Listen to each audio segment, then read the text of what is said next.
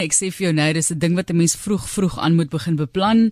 En dis eintlik 'n tyd vir jou lewe waar jy moet kan agteroor sit en rustig wees en tog is daar so baie mense wat nie kan bekostig om af te tree nie, maar ons het raad vir jou vandag. Marius Kreer is aan die woord net hier op RSG. Marius, dit is iets wat 'n mens regtig, soos ek gesê het, na uitsien in jou lewe. Dit is 'n kans om uiteindelik te rus en die vrugte geniet wat jy jou hele lewe lank voorgewerk het, maar so baie mense wat maar sukkel om so 'n neseier vir hulle self by mekaar te sit en natuurlik ook baie vrae wat jy het van mense midde hierdie tyd van COVID-19 en ook as mens dink aan die pakkette wat personeelmaatskappye en staatsentiteite ook ontvang. Ja, dankie Matlies. Ek dink dit is nou ongelukkig in daai tyd waar die staat en ek dink maatskappye uh personeel minder maak. En uh ons het nou baie navraag van mense wat ons kontak om te help met die beplanning Nou daar's twee soorte mense wat jy kry. Party sien uit na hulle aftrede en party is bang vir hulle aftrede. Uh die wat uitsien is gewoonlik die mense wat baie addisionele voorsienings gemaak het, so deur die jare het hulle gespaar en hulle dan by aftrede kom hulle met hulle pensioen en hulle het ook dan 'n nes eie daar mee saam gebou. Het jy dit 'n woonstel as wat hulle gekoop of 'n huis wat hulle verhuur? Wat hulle ook kan gebruik natuurlik met aftrede en, en om hulle inkomste aan te vul. En natuurlik die ander persoon wat bang is omdat hy in hierdie termyn van verandering van werk nooit sy pensioen oorgeplaas het nie, maar dit gebruik vir iets anders en hy het net nie genoeg jare diens om vir hom daai pensioen te voorsien wat hy nodig het nie. En vir party mense is dit natuurlik soos jy ook gesê het en dalk uitgewys het baie mense kry nou die opsie om vroeër af te tree en die implikasie daarvan. Ja, dit is 'n uh, daai groot probleem in ons lewe en ek dink jy het 'n paar jaar terug het baie mense ook pakkette gevat want dit is altyd aanloklik om 'n pakket aangebied te word en baie keer as jy gefrustreerd in jou werk en dan kom dit op die regte tyd. En dan maak jy die keuse om miskien op 55 of 56 jaar reeds op pensioen te gaan Nou uh, as jy sê 85 jaar oud geword, dan beteken dit 30 jaar wat jy vir jouself moet sorg, vir jou pensioen moet jy sorg. Dis 'n ongelooflike lang tyd wat jy kapitaal moet hou en met inflasie moet byhou. So uh, baie van daai mense raak gewoonlik in die moeilikheid so 10, 15 jaar later as hy agterkom maar net sy pensioen gaan nie so lank hou as wat hy gedink het nie. So as 'n mens uh, 'n uh, vroeë pakket vat, moet jy gewoonlik maar probeer om nog 'n ander inkomste te kry vir 'n termyn as wat jy dan net op daai pakket gaan staatmaak want daai pakket beteken ook jy het nie jou volle pensioen diensterk dienstydperk uitgedien nie. So jy sit met in elk geval met 'n kleiner pensioen en jy sit met 'n miskien 10 addisionele jare wat jy vir jouself moet voorsien. Marius, jy wil soos jy gesê het vandag heel eers praat met mense wat nog in die proses is om te bou en voorsiening te maak vir hulle aftrede. Wat is die belangrikste? Maar klies as ek terugkyk, dan is die belangrikste om vandag een af te spaar. Ek dink baie mense het hierdie idee oor spaar. Hulle sê kom ons spaar vir iets, ons spaar vir 'n woonstel of 'n huis of 'n motor. En as jy nou jou doel bereik het, dan jy hou jy op spaar. Dis die dis die grootste fout wat jy kan maak. Spaar moet 'n gewoonte wees wat jy doen ongeag of daar 'n doelwit aangekoppel is of nie. Jy moet net spaar.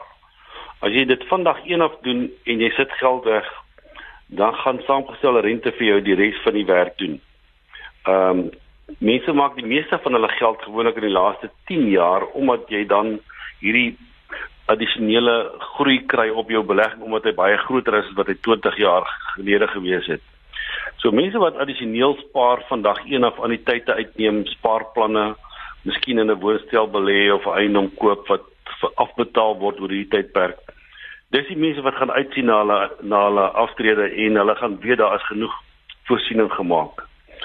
As jy wag tot op 40 jaar en jy net 20 of 25 jaar oor, gaan jy dit gewoonlik nie maak nie. Jy moet net dan te veel wegsit om by dieselfde doel wat uit te kom as die persoon wat begin het op 25. So die die geheim van goeie aftrede is om lank voor die tyd te begin, addisionele kapitaal weg te sit elke maand en dit gedissiplineerd te doen en, en dan gaan jy jou saam met jou pensioen 'n lekker nes eier hê en jy kan uitsien na die al die drome wat jy nog al die jare gehad het om goeders te doen rond te ry en miskien vir jouself 'n paar dinge te gun wat jy nie gedoen het terwyl jy gewerk het nie. Is daar 'n persentasie wat 'n mens baie keer na kan kyk? Jy weet, ek weet julle help vir mense op 'n individuele vlak, maar as daar 'n persentasie is van 'n salaris of hoe dit ook al sê, geld wat inkom wat 'n mens eenkant moet sit om daai lewensstandaard te bou. Ja, ek dink reeds gewoonlik gee 'n pensioenfonds gemiddeld 7.5% tot 10% bydra en jy maak dan ook nog 7.5%. So gewoonlik spaar jy tussen 15 en 17.5% van jou salaris klaar in die vorm van 'n pensioenfonds. As jy nog 'n addisionele 5% kan wegsit van jou bruto salaris en jy spaar 22%, dan gaan jy regtig in 'n posisie wees as jy 40 jaar gewerk het en jy het aangehou gedissiplineerd te spaar en jou pensioen nie opgebruik langs die pad as jy van werk verander nie. Uh en jy sorg dat jy ook nie skuld het as jy aftree nie. Dan gaan jy regtig in 'n baie goeie posisie wees. Die ander probleem natuurlik is omdat mense later in hulle lewe baie keer skuld maak en nie al hulle skuld gedelg kry voor aftrede nie, moet hulle dan 'n gedeelte van hulle pensioen vat om skuld te delg en natuurlik het jy dan nou minder oor om van te lewe. Ek dink ook nogal baie keer Marius mense vergeet, jy weet jy besig jy's besig om te beplan vir 'n gesonde lewe. Jy weet jy verwag nie noodwendig dat jy geweldige mediese uitgawes gaan hê nie, jy hoop jou versekerings en so aan en jou mediese fonds dek dit. So baie kere kan dit ook 'n groot uitdaging vir iemand wees waar daardie geld wat hulle eenkant probeer sit het dan gebruik word vir mediese dekking. Ja, ek dink die mediese dekking moet deel van 'n mens se beplanning wees, maar liefs van dag 1 af as jy ehm um, op jou eie is of later 'n gesin het, weet jy wat jou mediese kos per maand. Mediese inflasie is gewoonlik 'n bietjie hoër as gewone inflasie, so jy moet in ag neem. So as jy 'n beplanning doen, kan jy dit van dag 1 af doen om seker te maak jy gaan 'n mediese hê. Kom ons sê wat 80 of 90% van jou uitgawes gaan dek. Ehm um, en dan gaan jy dan gaan jy nie in die moeilikheid wees nie. As jy dit nie doen nie en jy miskien net 'n hospitaalplan en daar gebeur iets groots in jou lewe wat baie mediese sorg of uitgawes verg, dan gaan dit jou deel van jou pensioengeld moet opeet. Ek dink 'n ander belangrike ding wat ek wil noem is ek sien dit baie keer by jonger mense wat in huise groot word waar daar gewoonlik nie tekort is nie. Dat mense maak staat op hulle ouers se voorsiening want hulle weet hulle pa of ma het heelwat kapitaal en so hulle is nie baie bekommerd om selfvoorsiening te maak of addisionele voorsiening te maak nie. En dan gebeur daar iets met daai persone of of die ouers, hulle maak 'n fout met hulle kapitaal, hulle verloor dit. En ewe skielik gaan jy nie meer die lompsom erf wat jy gedink het jy gaan erf nie. En as jy dan nie voorsiening gemaak het nie, dan is jy ook in die moeilikheid. So ek dink daai beginsel van spaar al dink jy daar gaan geld geërf word of daar's ander geld wat na jou kant toe kom vorentoe moenie dit moenie dit as 'n deel van jou beplanning gebruik nie. As jy as jy dit kry, is dit 'n bonus. Maar sorg vir jou eie voorsiening en jou eie pensioen vir die dag as jy aftree. Ons gesels met Marius Kreer van PSG en ons fokus op aftrede so 'n geweldig belangrike onderwerp wat ons elke nou en dan dek en weer eens dis marius.kreer by psg.co.za. Goed Marius, jy het nou gedoen wat jy kan. Nou moet jy vir ons vertel jy's besig om daardie aftrede te neem en so die administrasie rondom hierdie tipe van goed kan ook oorweldigend wees en jy weet nie altyd regtig wat is die regte ding om te doen met jou pensioen en al daai tipe van dinge nie. So basiese beginsels sê jy wat ons wel moet volg. Ja, weet jy wat lees ek altyd soos wat mense brug bou, is daar sekere beginsels wat geld en sekere wette wat geld. As jy dit nie as jy dit nie reg doen nie, gaan die brug val en gaan mense seer kry. Uh hierdie is dieselfde beginsel. Ek dink 'n mens moet begin om te bepaal wat het jy nodig om van te lewe. Bepaal jou inkomste behoeftes. Gaan sit en doen jou begroting en sê vir jouself ek het 20 of 25 of 30 000 rand 'n maand in my sak nodig en dis jou beginpunt. Dan moet jy natuurlik sê maar goed, wat is my voorsienings? Wat se kapitaal het ek in die vorm van 'n pensioenfonds, van anniteite, van ander besparings? Wat se ander inkomste het ek? Het ek miskien 'n eiendom wat ek verhuur langs die kant? As jy al daai in, inkomste en uitgawes het en en en bates wat jy bymekaar gemaak het, dan kry jy iemand wat jou kan help om advies, uh, adviseer iemand wat jou kan help sê kom ons doen dan nou my 'n kontantvloei om te bepaal of my kapitaal gaan hou. Dan hierdie proses van die kontantvloei moet jy inflasie aanname maak. Jy kan dit 4% maak of 5% maak. Met ander kom ons sê jou pensioen totaal is 5 of 8 of 10 miljoen rand. Dan sê jy goed ek belê 10 miljoen rand met 'n inflasie aanpassing van 5% per jaar.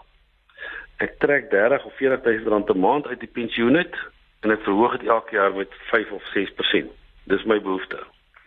Die kontantvloei gaan dan vir jou wys jou kapitaal hou 20 of 25 jaar of jy gaan nooit aan jou kapitaal raak nie, dit gaan bly groei solank jy lewe. Of dit gaan vir jou wys maar ek sê dalk na 15 jaar dan die moeilikheid. As jy as jy daai sommetjie gedoen het, dan kan jy vorentoe beplan wat moet ek nou doen? As jy agterkom jou kapitaal gaan nie hou nie, dan het jy geen keuse as om van jou ander kapitaal los te maak, jou moontlike huis te verkoop wat jy tans in bly en kleiner te gaan.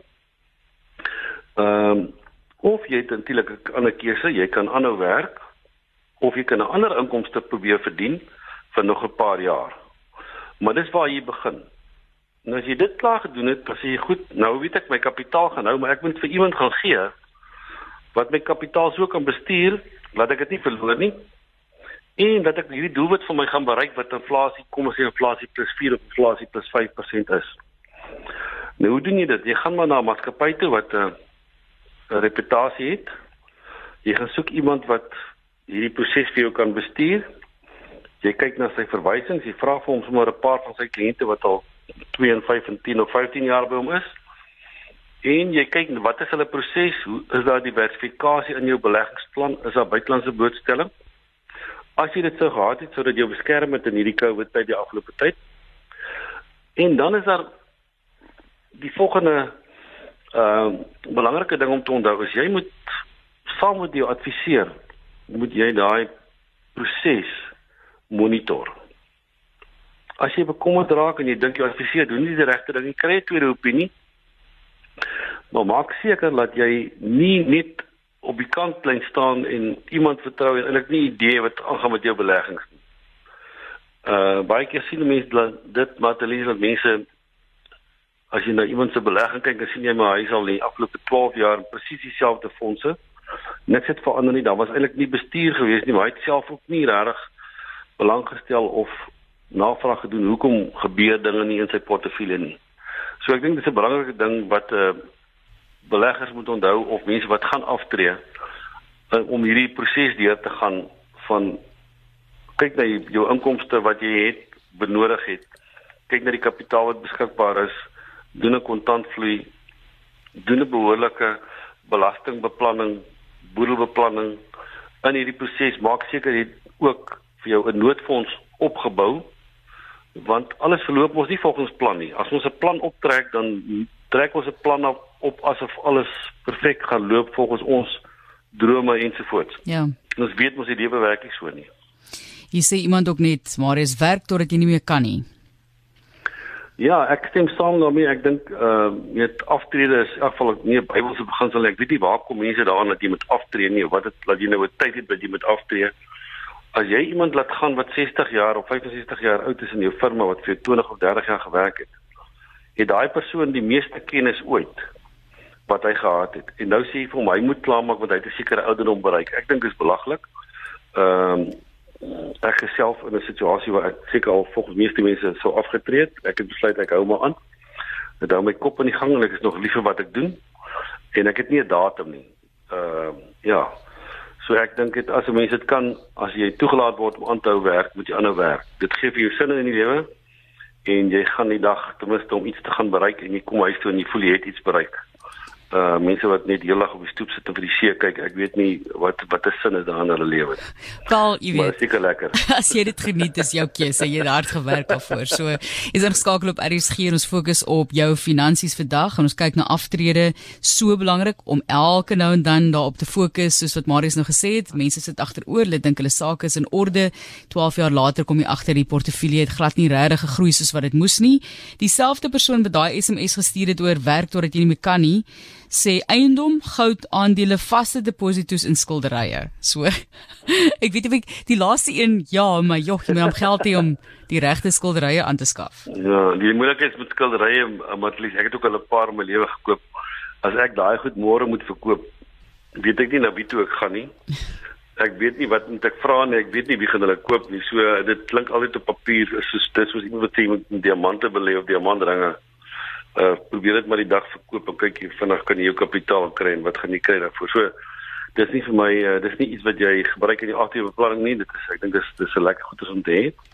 In die aktiewe beplanning moet daar maar liquide bates wees, dan moet groeibates wees soos aandele en eiendom. Jy moet ook buitelandse blootstelling hê wat jou beskerm teen die verswakking van die rand en as ons ekonomie bietjie swak raak. Goed, ons gaan voort met die gesprek en jou wenke ook en die feit dat jy moet monitor op 'n gereelde basis, dis nou baie duidelik gestel. Dan asseblief help ons nou. Jy het nou kyk, dit is nou maklik om te sê begin spaar van jong tyd af en al daai tipe van prosesse vir baie mense en ek kry altyd daai SMS waar iemand sê daar is nie geld om te spaar nie. Ons is letterlik net besig om te oorleef. Maar kom ons sê jy is nou in 'n situasie waar dit lyk jy gaan nie genoeg kapitaal hê om enigstens te kan aftree nie en definitief nie die lewensstandaarde kan behou behou wat jy aangewoond geraak het nie, hoe nou? Ja, en ek dink uh, Martlies, ongelukkig is baie mense daar. As hulle hierdie beplanning begin doen, dan kom hulle agter maar die kapitaal gaan nie 25 of 30 jaar hou of 20 jaar hou nie. En nou het jy 'n paar opsies. Jy kan eerstens kyk om te sê maar ek kan dalk my huis verkoop en in 'n kleiner woning ingaan, miskien 'n meentuis vir kompleks. Uh ek kan my huis verkoop en as ek die ander eiendom gekoop het, het ek miskien 'n 500 000 rand of of die 1.2 miljoen addisioneel wat ek kan belê by my by my aftrede geld om dit beter te maak. Uh party mense kyk na sê kom ons kyk na 'n bekostigbare aftreeoord. Verkoop ons eiendom gaan na aftreeoord toe waar dit dalk goedkoper is. Ehm uh, as jy na aftreeoord toe gaan, jy natuurlik opsies, jy kan daar gaan, jy kan hier dis 'n baie goeie opsie om te huur by aftree want ek het nou kliënte wat getrek het hierso in George na aftree oor toe. En uh hulle lewe net soveel goedkoper as wat hulle daai eiendom sou gekoop het. Die ander opsie wat jy kan doen is jy kan lewensreg koop in plaas van om uit en uit jou eiendom te besit. Dit beteken jy koop lewensreg solank jy lewe, jy en jou gade, gade bly hulle daarso verniet. En as jy dan enige boedel het, dan kry jy jou kapitaal terug of jy kry dalk 'n bietjie meer as jou kapitaal terug. Elke aftrede het, het het nie presies dieselfde model nie. Maar so 'n model is baie goedkoper as om die die eiendom uit en uit te, te koop en te laat vererf of dan nou in jou boedel te laat gaan. Ehm um, en ek dink dis 'n opsie wat baie mense na moet kyk. Dis 'n baie goedkoper opsie. So daar's regtig 'n paar maniere wat 'n mens kan jou hele situasie verander om dit te maak werk en nog dan jou kapitaal vir jou te laat werk tot die dag tot jy te sterwe kom. En ek sien ook deesdae, jy weet mense gebruik stokperdjies om addisionele inkomste te kry. Iets wat vir hom lekker is.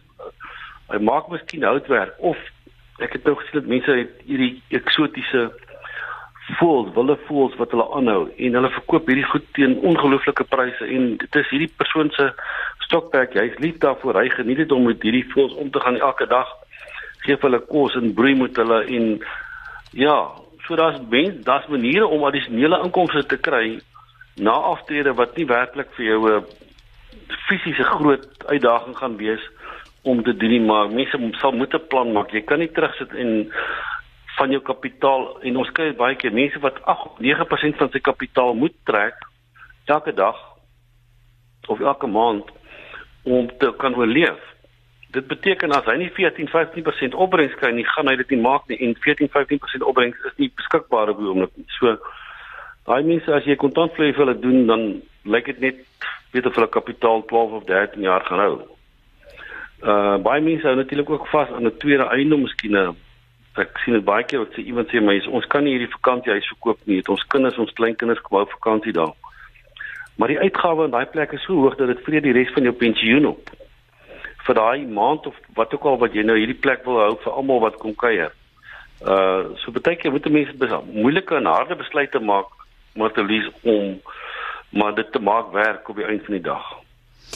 En dan sê iemand ook nog hierso, daar word selfs al gepraat oor hoekom politici ver verby 63 kan werk en ons moet aftree is natuurlik jou kontrak wat jy met die besigheid ook aangegaan het maar dit is 'n interessante vraag Debbie en dan het Marius op hierdie noot iemand wat vra praat asseblief met ons oor lewensaniteite teenoor lewende ek hoop ek vertaal nou living annuities ja. korrek so die verskil daarso en en die voordele en nadele Ja, ek sal dit graag doen, maar 'n lewensaniteit beteken jy koop 'n inkomste of 'n pensioen wat aan jou lewe gekoppel is. Met ander woorde, as jy te sterwe kom, dan hou dit op.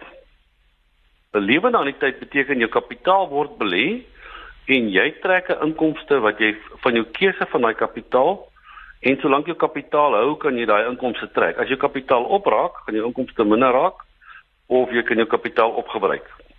Ehm uh, by die lewende lewensanniteit wat ek nou net gesê het wat jou lewe gekoppel is, daai gee jou kapitaalprys. En anders jy sê net ek gee my kapitaal vir jou, 'n versekeringsmaatskappy of die maatskappy wat beweeg gewerk het, kan self my so pensioen betaal en julle betaal vir my 'n gewaarborgde pensioen tot die dag as ek doodgaan en die pensioen kan gekoppel wees aan inflasie of nie inflasie. Daar's verskillende maniere hoe jy dit kan doen. Maar by die eerste een gee jy jou kapitaalprys by die tweede een bou jy jou kapitaal en jy kan dit laat vererwe. Met ander woorde as jy nou nie al jou geld opgebruik het uit hierdie lewende aan die tyd waarin jy jou kapitaal belê het nie en jy het nou inkomste getrek of 'n pensioen om te sterwe kan jou vrou die begunstigde wees so sy erf die hele belegging net so oor en sy kan aangaan om inkomste te trek sou sy ook te sterwe kom kan jou kinders dan die begunstigde wees. Terwyl met 'n lewensanniteit is daar die begunstigdes nie. Jy gebruik jou kapitaal wat beskikbaar is, gebruik as jy baie oud raak, uh, is 'n lewensanniteit nogal goed want ek bedoel hulle moet jou betaal totdat jy te sterwe kom. Maar as jy nou net na 5 jaar te sterwe kom en daar bly nog 'n klomp kapitaal oor wat jy sou kon gebruik het, dan is dit ongelukkig nou maar so dat jy dit nie gaan kry nie of niemand gaan dit kry nie. En dis maar die verskil. Die een gee jou kapitaalprys en die ander gee jou kapitaalliepprys nie. Maar daar waar jy jou kapitaal nie prys gee nie, waar jy jou eie geld nog het wat jy kan belê, daar loop jy die risiko as dit swak belê word, gaan jou kapitaal dalk opwees of minder word, nie voldoende wees om jou te te beskerm totdat jy dag tot jy tot te sterwe kom nie.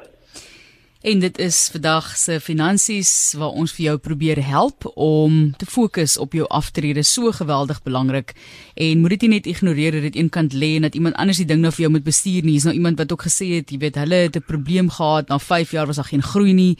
So hulle is nou hou nou by 'n vaste deposito, so mense met baie uitdagings daarso. Jy moet maar jou vinger op die pols hou en ookie wat nou 'n ander vraag vra hierso oor kan kinders verwag word om na hulle ouers om te sien. Dit is 'n ook 'n SMS wat deurgekom het hele ander onderwerp nou hierdie as wat ons met Marius gehad het. Maar ja, ons kyk maar na daai lewensverantwoordelikhede Marius.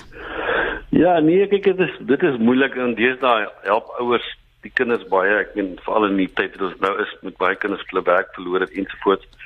En kinders bly langer in die huis wat natuurlik ook 'n deel van jou pensioen opvreet as jou kinders nie by die huis uit kan kom op 'n hoër ouderdom nie. Uh, of jy kan verwag dat hulle vir jou moet sorg. Uh dit is 'n moeilike ding. Ek dink as hulle baie finansiëel uh, goed wel af is, dan kan hulle seker vir jou sorg as hulle so lief is vir jou en vir jou omgee. Maar ek dink nie 'n mens moet uh, jou lewe beplan na om te dat jou kinders vir jou gaan sorg nie, want dalk is hulle ook in 'n baie moeilike finansiële posisie en dan kan hulle nie vir jou sorg nie. So jy moet maar jou plannetjies so maak dat jy net vir jouself 'n pensioen kan bymekaar maak en spaar.